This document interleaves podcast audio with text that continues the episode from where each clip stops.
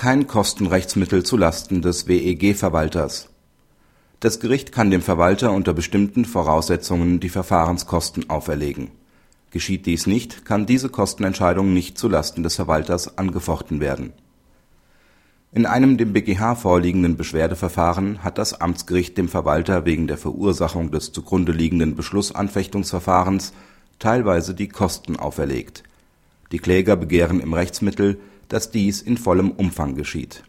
Die entsprechende Beschwerde ist unzulässig, weil die Kostenentscheidung nicht isoliert angefochten werden kann. Dies ist nur bei einer durch diese verursachten eigenständigen Beschwer möglich, die jedoch nicht vorliegt, da auch bei einer Nichtanwendung des § 49 Absatz 2 BEG materielle Schadensersatzansprüche gegen den Verwalter nicht aberkannt werden. Zudem eröffnet § 49 Absatz 2 BEG dem Gericht nur ein Ermessen eine Pflicht zur Kostenüberbürdung besteht nicht. Die Bestimmung dient der Prozessökonomie, sie verschafft somit auch keine Haftungsmilderung. Praxishinweis Der Entscheidung ist hinsichtlich der Anfechtbarkeit des Kostenausspruchs zuzustimmen.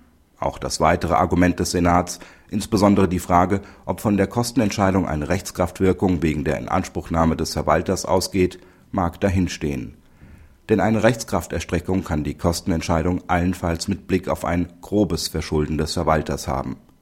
Wegen sonstiger Verschuldensformen kann der Verwalter folglich weiterhin in Anspruch genommen werden